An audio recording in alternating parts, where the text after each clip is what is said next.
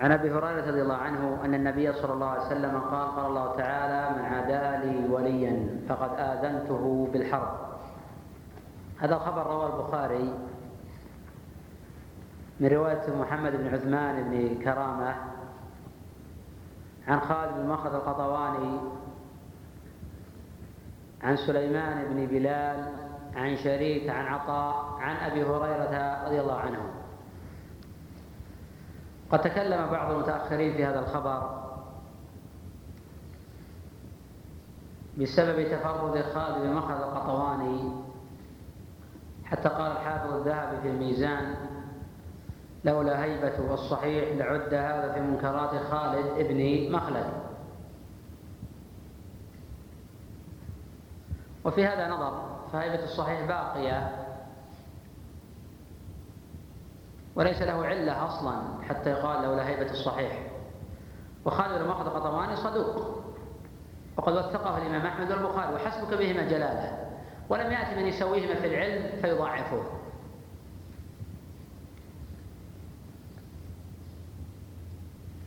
فالخبر ثابت ومحفوظ ويكفي في ذلك تصحيح البخاري له. البخاري حين روى هذا الحديث هذا يعني توثيق. خالد بن مخذ القطراني توثيق بقية الرواة.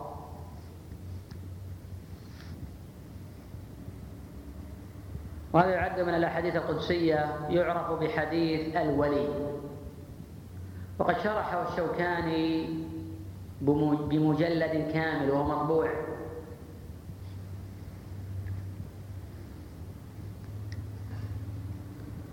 قال الله تعالى من عادى لي وليا من المعاداة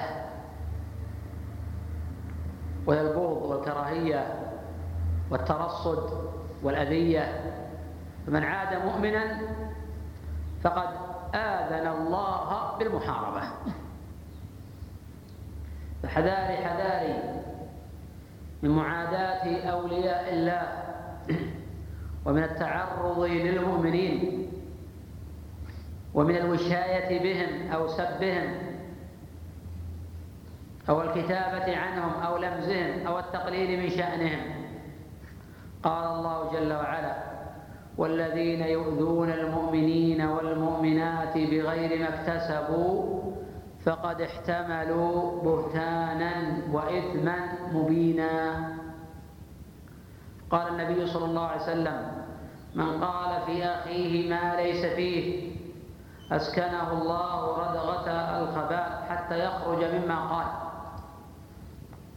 فالذين يتجسسون على الناس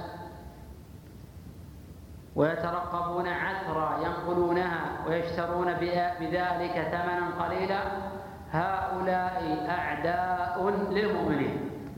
وهؤلاء ليسوا حربا على فلان أو علان هؤلاء يحاربون الله جل وعلا.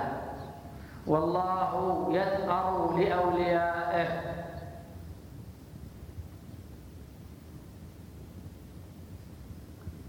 قوله فقد آذنته بالمحاربة. الرافضة الذين يعادون الصحابة يؤذنون الله بالمحاربة. لأن يسبون أولياء الله. وأعظم الناس ولاية لله وللرسول صلى الله عليه وسلم. هؤلاء محاربون لله ولرسوله صلى الله عليه وسلم وللمؤمنين قوله وما تقرب إلي عبدي بشيء أحب إلي ما افترضت عليه. في أن أداء الواجبات مقدم على أداء المستحبات وهذا لا يختلف فيها العلماء. وفي إثبات صفة المحبة لله جل وعلا لقول أحب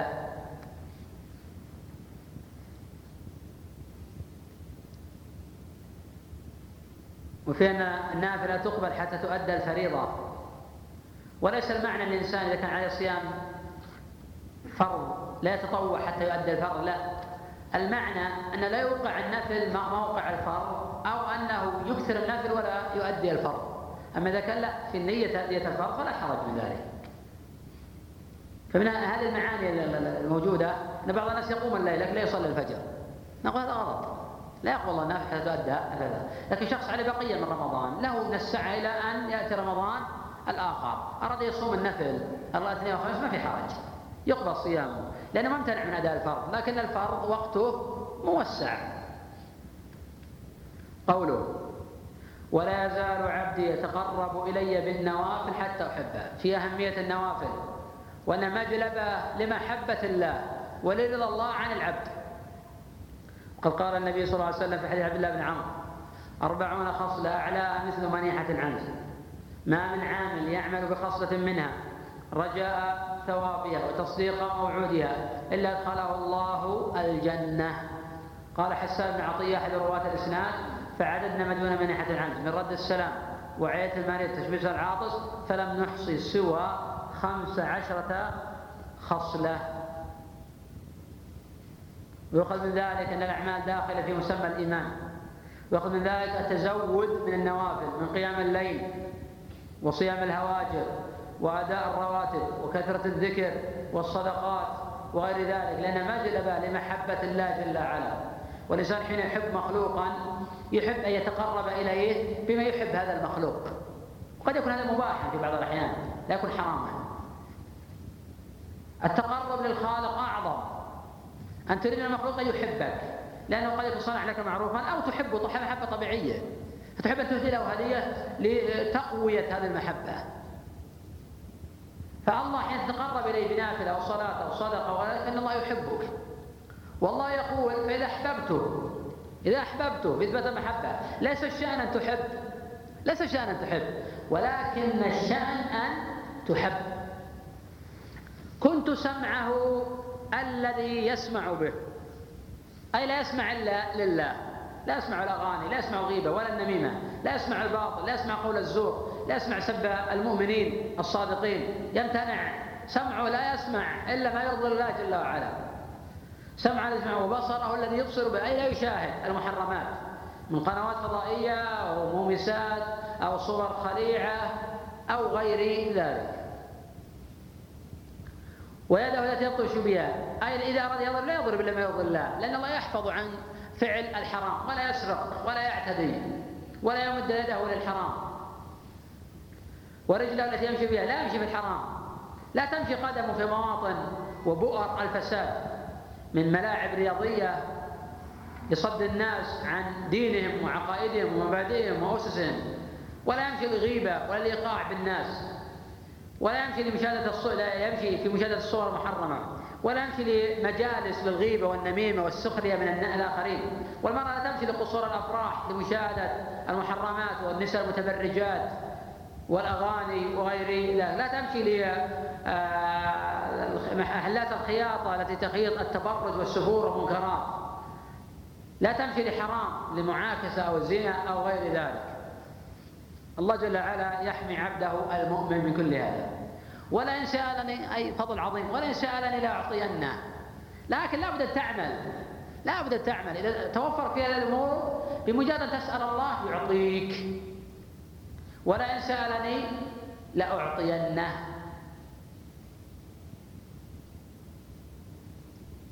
ولئن استعاذ بي قال اللهم اكفني فلانا لأعيدنه لأنه عبد تقي ويسارع وعجلت إليك ربي لترضى. الله أسرع إليك من ذلك. لكن لابد تطبق ذلك مخلصا. لا تريد لا رياء ولا سمعة ومن يفعل ذلك ابتغاء مرضات الله فسوف نؤتيه أجرا عظيما. بعض الناس يحفظ. لماذا؟ لأنه صادق مع الله. إن تنصروا الله ينصركم ولا ينصرن الله من ينصر. ليس معنى هذا ان الرجل حين يبتلى ليس بصادق. لا. وهذا اللي يرفع درجاته أيضا. هذا حماه الله وهذا أراد الله يرفع درجاته ولا السعادة به أو عدلنا وما تردد عن شيء تردد عن فضل عبد المؤمن يكره الموت ويكره مساءته الحديث الآخر حديث ابن عباس.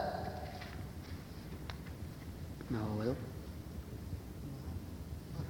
أن النبي صلى الله عليه وسلم يقول أن النبي صلى الله عليه وسلم قال رفع عن أمتي الخطأ والنسيان وما استكره عليه قوله رفع عن أمتي. المقصود بالأمة أمة الإجابة.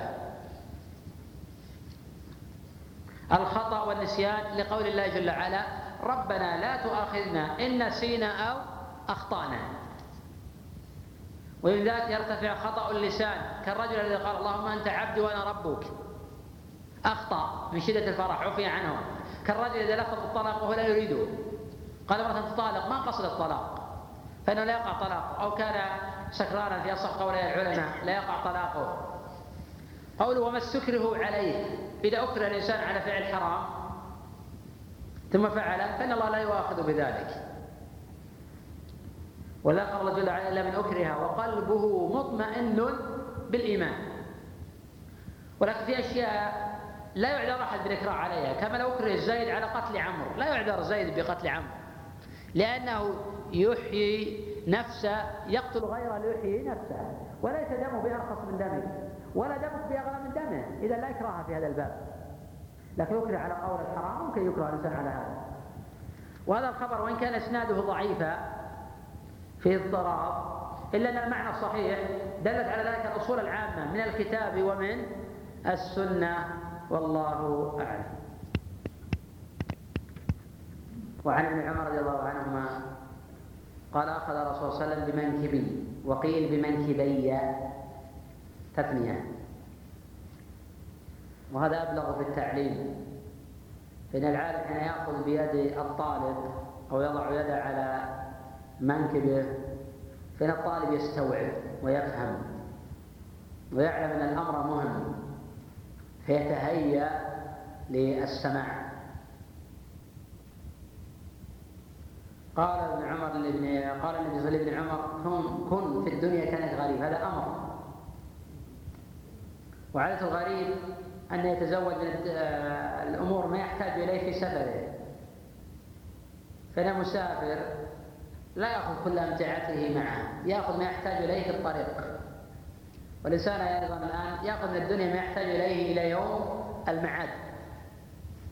كن في الدنيا كأنك غريب أو عابر سبيل في للزهد في الدنيا وللورع والتقوى. والأصل في العلماء يكون كذلك خلاف واقعنا الآن العلماء ينافسون الأثرياء. ولهم من المحاكمات أكثر من غيرهم. وهذا خلاف مثل هذه الصحابة. فإن العالم حين يبحث الناس عن الدنيا يتزود من الطاعات والتقوى. ولا ينافس الدنيا على دنياهم وليس معنى هذا أن العالم لا يتاجر ولا يكتسب لا حتى يعف نفسه عن مسألة الآخرين. وفي نفس الوقت حتى لا يستدله أهل المناصب والرياسات. ولكن يأخذ من الدنيا قدر حاجته وطاقته. وكان ابن عمر يقول إذا أمسيت فلا تنتظر الصباح. وإذا أصبحت فلا تنتظر المساء. ولذلك كان يقال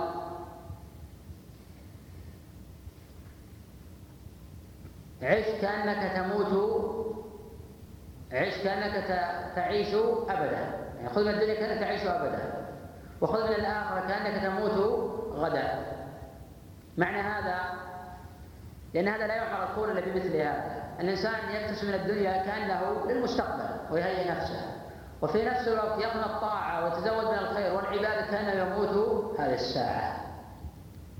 ويذكر عن محمد بن واسع وجماعة من الأئمة أنه لو قيل لهم تموتون غدا ما زادوا على عملهم. من كثرة عبادتهم وقربهم من الله جل وعلا. والإقبال على الخير والطاعة.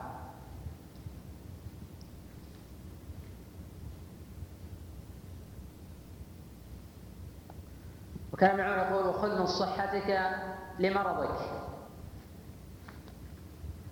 أي اجتهد في وقت الصحة؟ لأن العبد لا يدري ماذا يفاجئه فقد يمرض ولا يستطيع أن يؤدي العبادات. وما دام الإنسان في الصحة فيتزود من طلب العلم. إذا مرض لا يستطيع يطلب العلم لا يستطيع يجتهد في تحصيله. تزود من أداء الصيام كثرة الصيام والصلاة والصدقة. لأنه إذا مرض قد لا يستطيع أن آه، يصلي ولا أن يصوم ولا أن يتصدق. قوله ومن حياتك لموتك. أي ما دمت في وقت الحياة والمهلة. فتزود لما بعد الموت. وخير الزاد ليوم المعاد. التقرب إلى الله جل وعلا بما افترض عليك. والانتهاء عما نهاك عنه. وتزود من النوافل. فقد تقدم في حديث الأمس. قال الله جل وعلا في القدس ولا يزال عبدي يتقرب إلي بالنوافل حتى أحبه. فإذا أحببته كنت سمعه الذي يسمع به وبصره الذي يبصر به ويده التي يبطش بها ورجله التي يمشي عليها. ولئن سألني لأعطينه ولئن استعاذ بي لأعيدنه.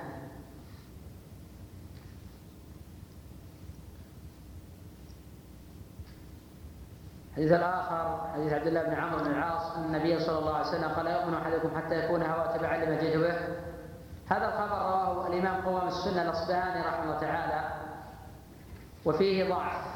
فقد تفرد به نعيم ابن حماد الخزاعي. قال الإمام أبو داود له عشرون حديثا ليس لها أصل. وقال الحافظ النسائي تفرد عن الأئمة بأحاديث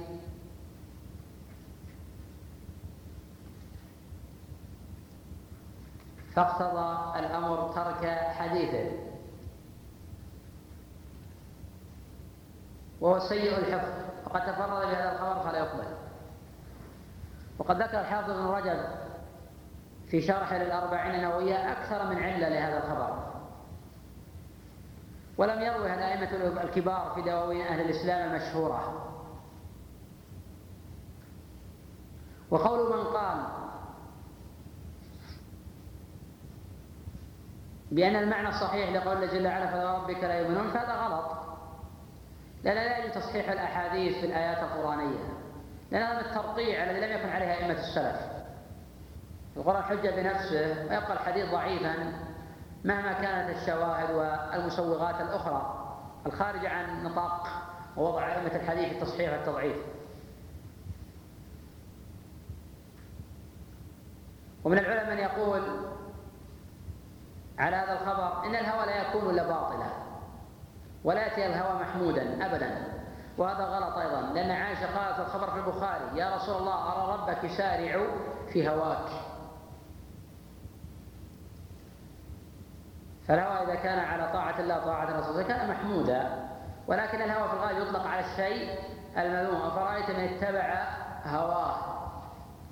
لأن اتبع هواه إذا هذا الهوى بمقتضى ما ما تقتضيه نفسه وشيطانه بمقتضى يسول له ضعفه. وحينئذ يهوي به في نار جهنم كما قال ابن عباس.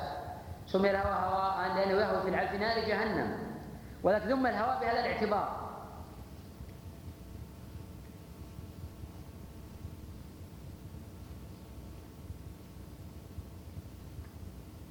وذا قال أبو تمام الطائي وعبادة الأهواء في تطويحها بالدين فوق عبادة الأصنام. لأن الهوى يقول بالعبد إلى ترك الحق وفعل الباطل. فحذاري حذاري من الهوى. والهوى ينتج من مضلات النفوس. وقد كان النبي صلى الله عليه وسلم يستعيذ من ذلك. فكان يقول الحمد لله نحمده ونستعين ونستغفره. ونعوذ بالله من شرور أنفسنا. قال ابن القيم وسل العياذ من اثنتين هما اللتان بهلك هذا الخلق كافلتان. شر النفوس وسيء الأعمال ما والله أعظم منهما شران. ولقد أتى هذا التعوذ منهما في خطبة المبعوث بالقرآن لو كان يدري العبد أن مصابه في هذه الدنيا هما الشران جعل التعوذ منهما ديدانه حتى تراه داخل الأكفان. وسل العياذ من التكبر والهوى فهما لكل الشر جامعتان. وهما يصدان الفتى عن كل طر الخير في قلبه يلجان فتراه يمنعه هواه تارة والكبر أخرى ثم يلتقيان. والله ما في النار إلا ساكنها بين الأصلين فاسأل ساكني النيران والله أعلم.